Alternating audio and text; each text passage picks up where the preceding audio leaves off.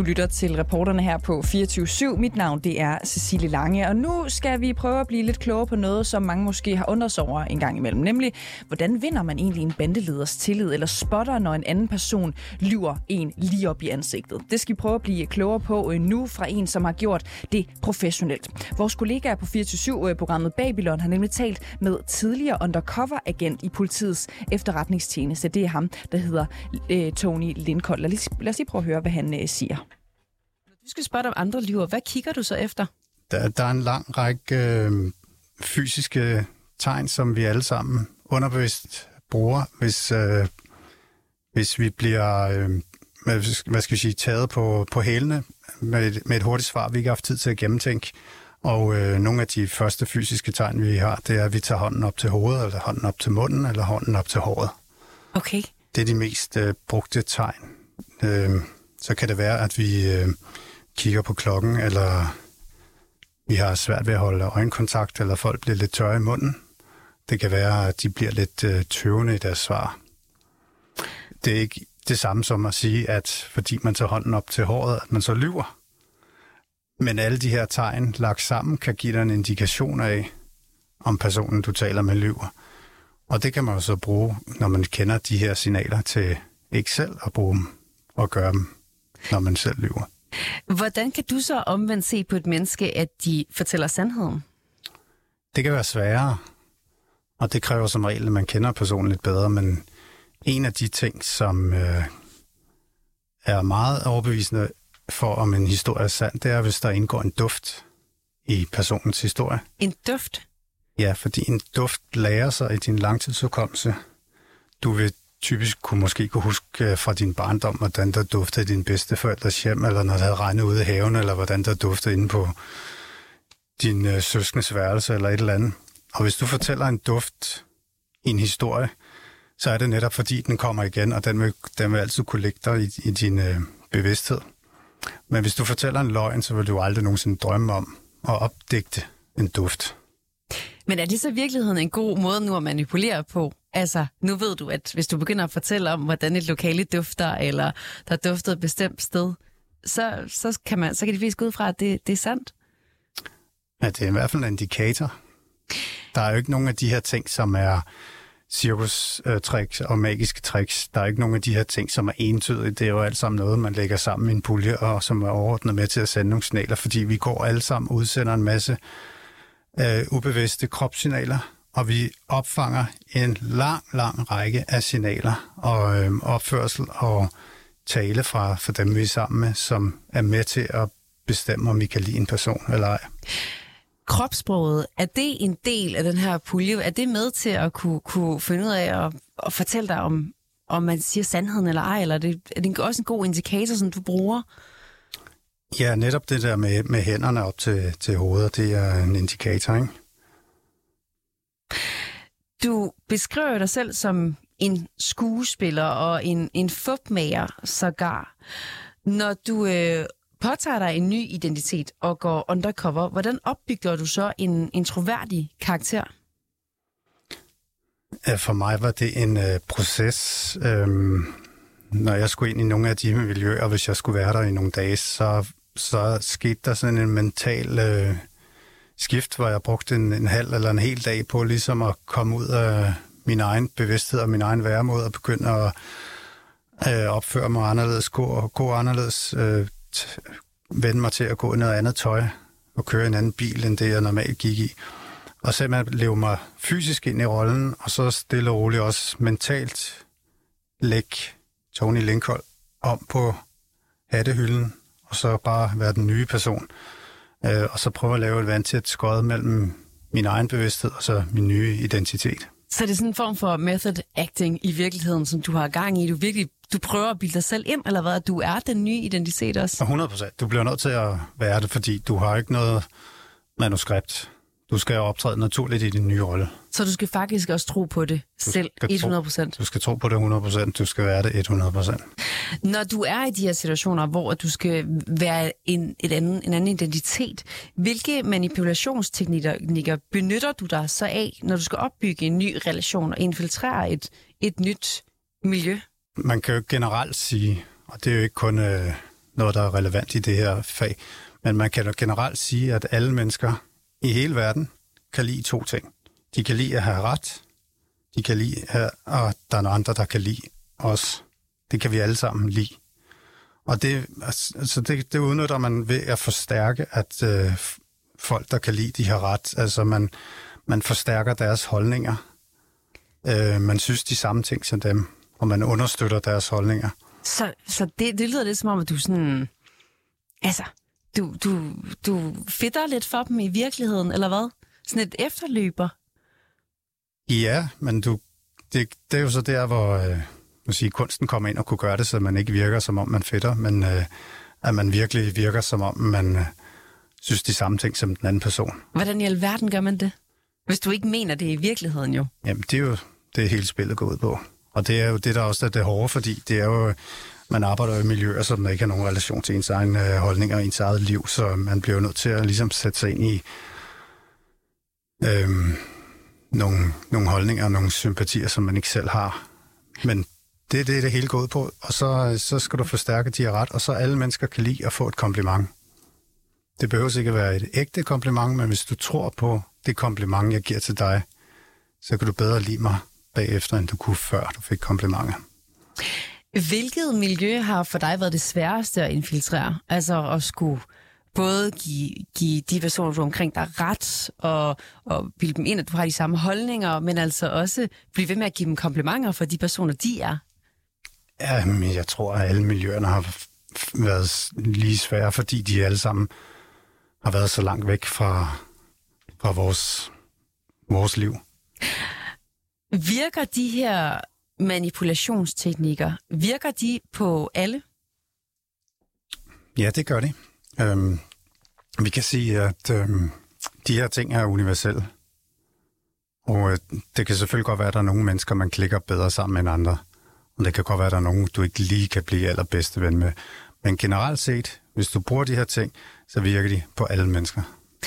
I din bog, der fortæller du et eksempel med en Ferrari, der viser, at vi alle er påvirket af statussymboler. Hvad går det ud på? Ja, altså man kan jo bruge autoritet øhm, til ligesom at forstærke sin, øhm, sin troværdighed. Så kan man bruge... Øh, alle mennesker har en, med, på et eller andet plan en, øh, en respekt for autoritet, og det kan være en, en titel, der man er doktor, kaptajn, direktør. Det kan være et tøj som en uniform eller et jakkesæt. Men det kan også være, være en dyr bil, et dyrt hus, noget dyrt tøj. Så øh, man kan sige, det, de ting kan man ligesom bruge til ligesom at underbygge sin autoritet. Øhm, og der er jo et, et berømt forsøg, der viser en, øh, en øh, billig bil, der holder for rødt lys, og når det skifter til grønt, så tæller man, hvor mange sekunder, der går inden bilerne bagved dytter. Og så gør man det samme med en dyr sportsvogn. Og der går meget længere tid, inden bilerne bag den dyre sportsvogn, de dytter. Altså lød altså fra øh, Tony Lo, Lindkold, undskyld, som er tidligere agent for PT.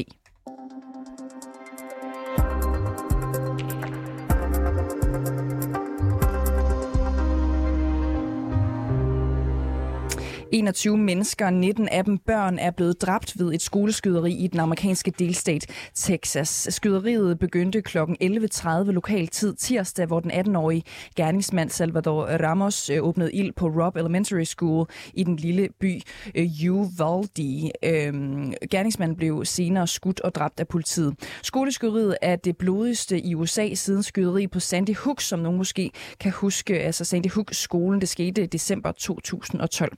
Nu kan sige velkommen øh, til dig, Anne Alling. Tak skal du have. 24-7's korrespondent i øh, USA. Anne Alling, øh, skoleskyderiet her, øh, skoleskyderiet her i Uvalde er det blodigste skoleskyderi i USA i næsten øh, 10 år. Hvordan har reaktionerne været derovre?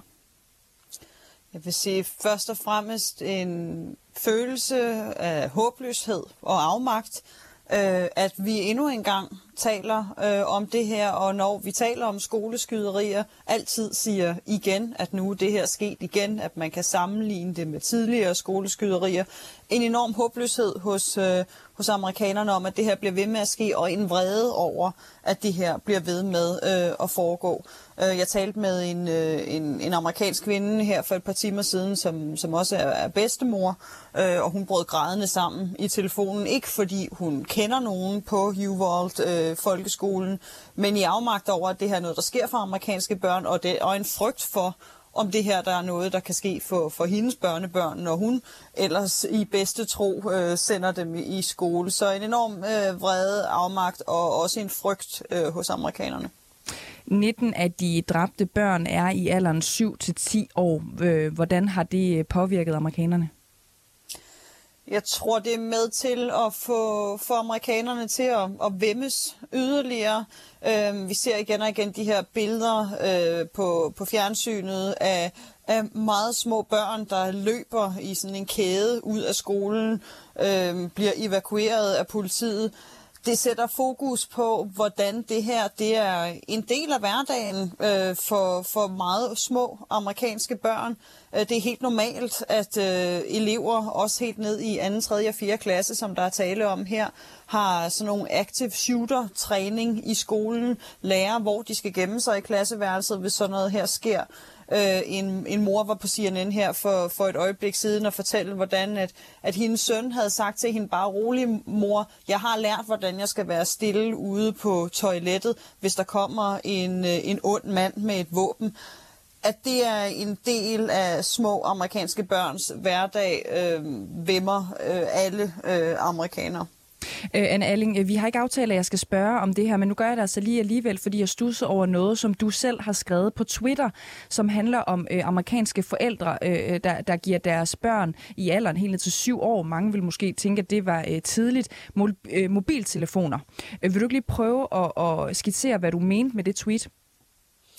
Jo, det er en, øh, en, en amerikansk bekendt, jeg har. Øh, hun har en datter, der, der nu er teenager, og hun sidder altid, hende teenageren, med næsen i telefonen. Og vi havde en snak om øh, for nyligt om hendes ligesom, øh, mobilkultur. Der sagde moren, at hun har haft den her mobil lige siden hun var syv år gammel. Og min første reaktion var sådan, Åh, var det ikke lige lidt tidligt at give denne her, i mine øjne, lidt forkælede teenager en, en, en telefon? Og der var morens klare reaktion lige med det samme, at hun gjorde det fordi at det var vigtigt for hende, at hun altid kunne få fat i sin datter. At i det sekund, hun satte hende af op i skolen, vidste hun, at hun altid ville kunne få fat i hende, og hun sagde, at hun ville også kunne få fat, ville kunne få fat på hende, hvis altså, at der kom øh, et skoleskyderi på hendes skole. Det var hendes første øh, begrundelse for, hvorfor hun havde udstyret sin, sin meget på det tidspunkt unge datter med en telefon, og det tror jeg viser meget, meget tydeligt, hvor hvor, hvor stor, hvor, hvor virkeligt det her er øh, for, for amerikanske for forældre, hvor stor en, en frygt det er i deres øh, hverdag, når de ellers ja, i, i bedste tro sætter deres øh, børn af i skolen om morgenen. Øhm, præsident Joe Biden har jo talt til øh, nationen efter det her skyderi. Vi kan lige prøve at høre øh, indledningen af talen øh, her, Anne Alling. Good evening, fellow Americans. I had hoped when I became president, I would not have to do this again. Ja, øh, Anne Alling, øh, altså en tydelig bevæget øh, præsident Joe Biden her, som, som jo siger, at han havde håbet på, at han ikke skulle gøre det her igen. Hvad var hans øh, vigtigste pointe i, i talen? Udover først at, at, at kondolere øh, og altså at være tydelig berørt, øh, Joe Biden, som jo selv har, har mistet to børn, øh, så var han rigtig vred. Øh, han han var, var meget klar i mailet og sagde, at nu måtte det simpelthen være tid til at stå op imod øh, den amerikanske våbenlobby, våbenlobbyen, som bliver ved med at tjene penge på øh, og poste våben ud i det amerikanske samfund og være med til at gøre altså blandt andet de her assault weapons, øh, semiautomatiske rifler blandt andet, som, som gerningsmanden her brugte, gøre dem populære og tjene enormt mange penge på øh, at sælge dem.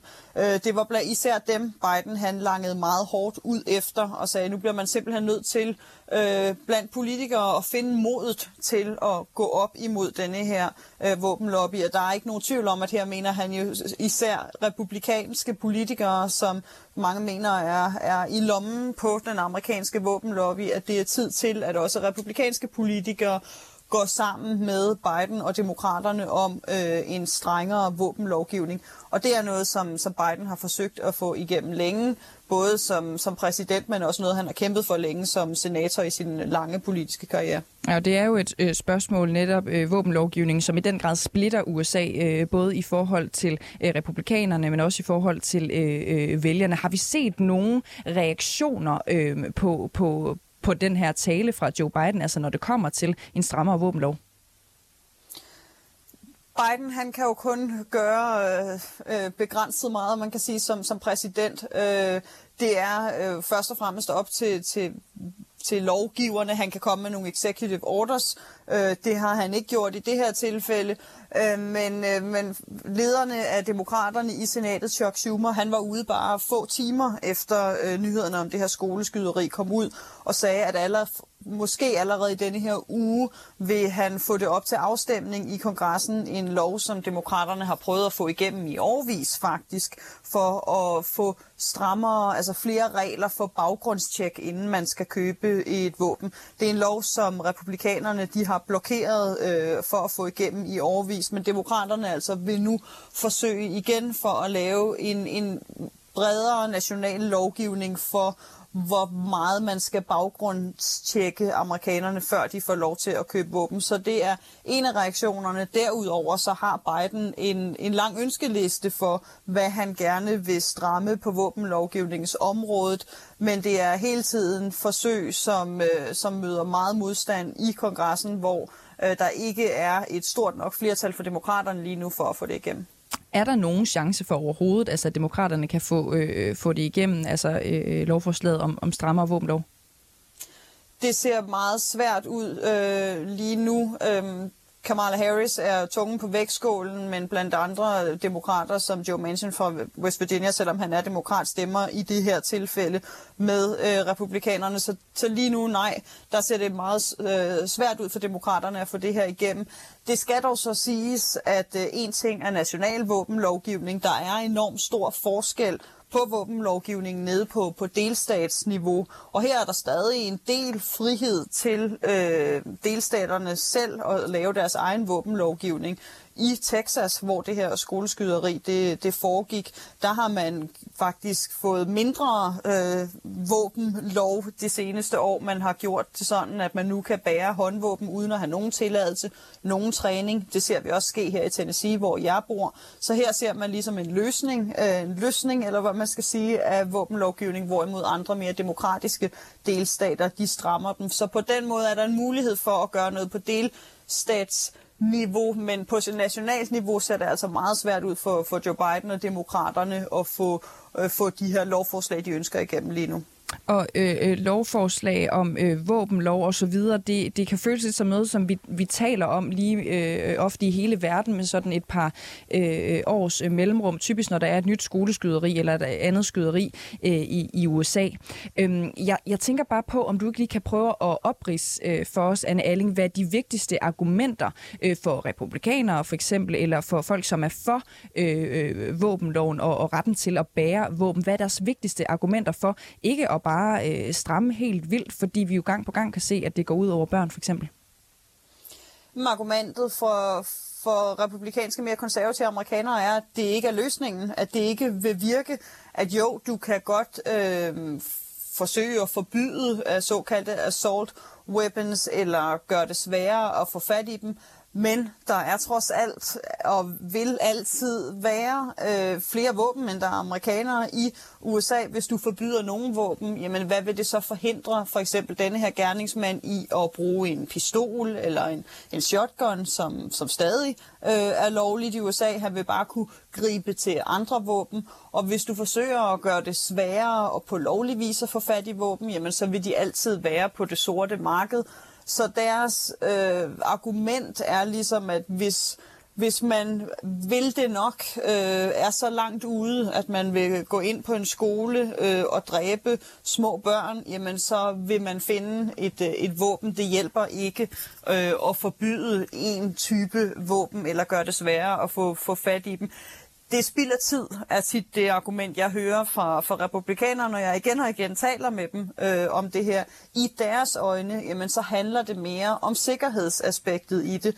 For eksempel var der ikke nogen betjent til stede på skolen, da, da gerningsmanden her han gik direkte lige ind ad døren.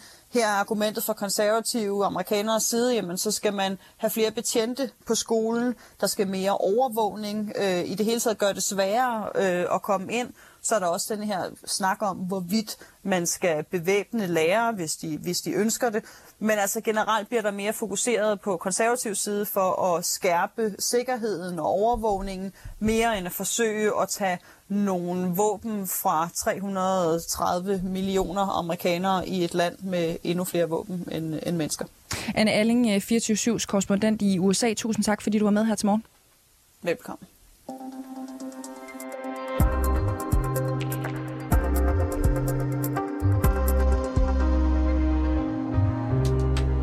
Det var alt, hvad vi havde øh, til jer her hos øh, reporterne for øh, denne onsdag. Husk, hvis du kunne lide det, du lyttede til, så er du altid velkommen til at gå ind og finde øh, alle vores øh, podcast, øh, der hvor du normalt plejer at hente den slags. Du kan selvfølgelig også bare lytte med hver morgen, hvor vi er live fra klokken 7 til klokken 8.30.